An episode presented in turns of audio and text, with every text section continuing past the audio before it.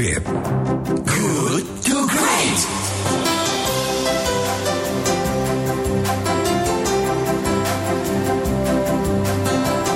Terima kasih sahabat Kilat Anda masih bersama dengan kami di 107,1 Kilat FM Bandung Inspiring Sound. Tiba saatnya kita akan masuk ke sesi diskusi dan kami akan mengajak Anda untuk berdiskusi dan tema hari ini sat, eh, dengan tema 1,9 triliun dana rebo, reboisasi nasional. Lantas langkah apa yang perlu dilakukan untuk mengiringi kebijakan tersebut agar tepat guna dan optimal?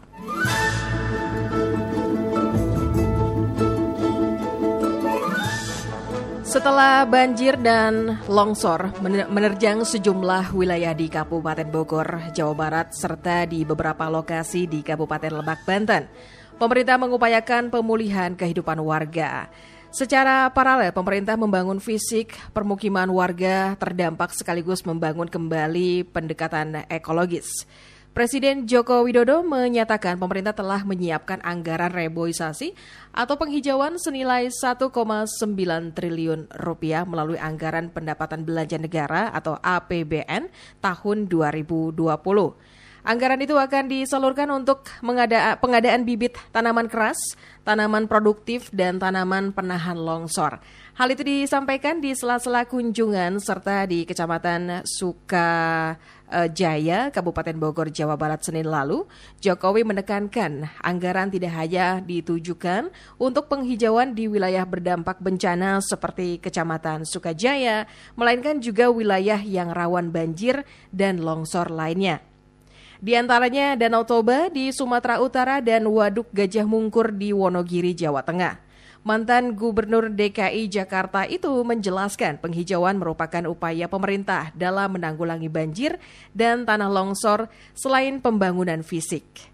Dari pembangunan fisik, pemerintah telah membangun dam penahan di lokasi yang berisiko longsor. Sementara dari segi lingkungan, kata dia, melalui upaya penghijauan tersebut, kita patut mengapresiasi langkah pemerintah yang peduli pada penghijauan lingkungan. Lantas, Langkah apa yang perlu dilakukan untuk mengiringi kebijakan tersebut agar tepat guna dan optimal? Mengingat selama ini program penanaman pohon seolah terjebak pada seremonial semata dan pasca itu kurang diperhatikan. Kali ini kami akan menghadirkan narasumber yaitu Bapak Profesor Dr. Haji Bambang Heru Purwanto MS selaku Sekretaris Jurusan Program Doktor Ilmu Sosial Konsentrasi Administrasi Publik Pasca Sarjana Unpas dan dosen luar biasa Magister Ilmu Lingkungan Unpad.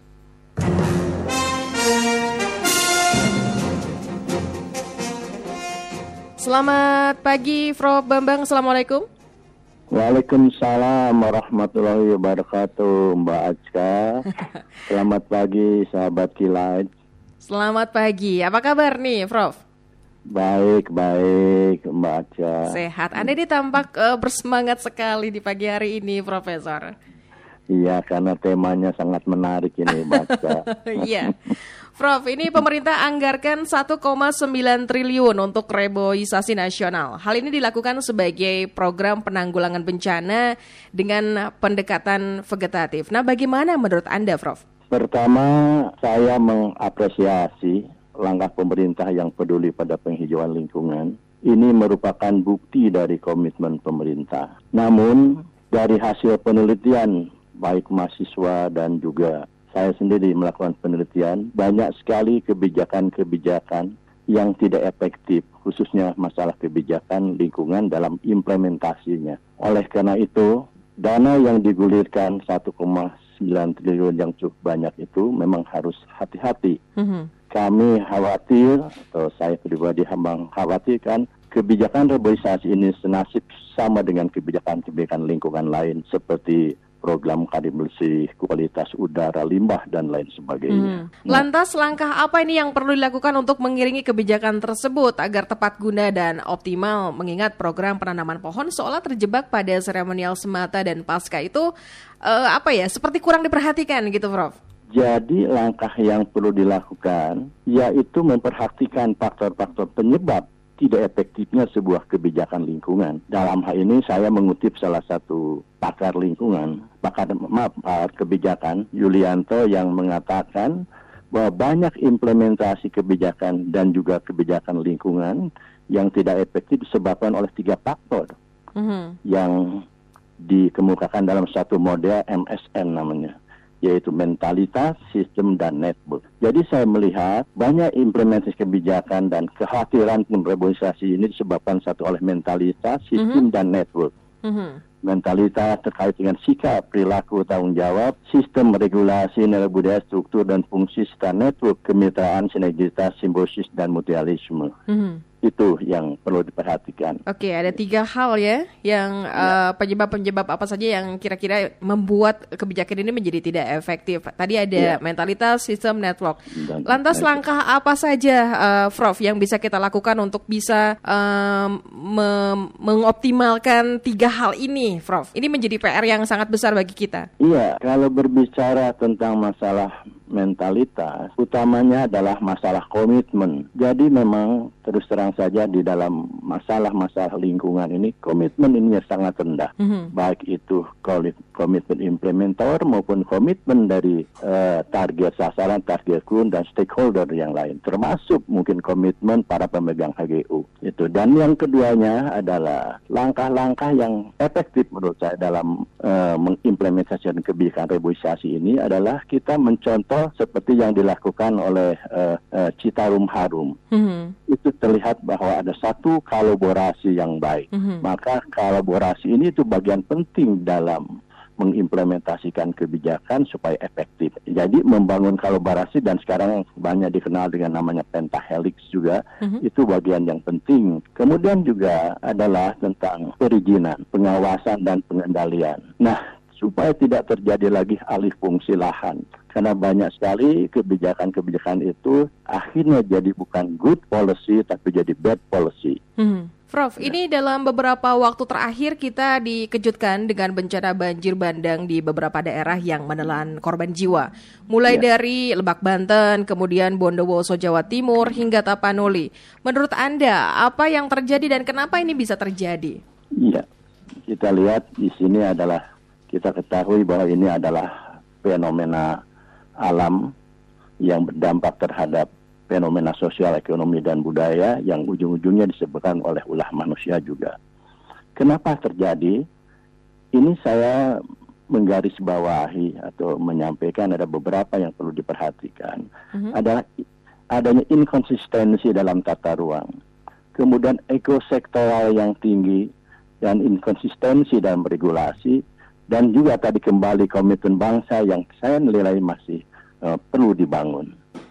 Juga mentalitas sebagian dari pemegang HGU ini yang perlu diperhatikan. Mm-hmm. Ini penyebab-penyebab terjadinya sebuah kebijakan lingkungan tidak efektif dan saya khawatir juga ini terjadi pada kebijakan reboisasi. Baik, uh, Prof.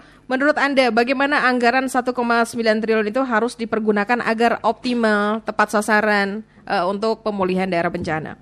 Nah, ini inilah masalah anggaran ini.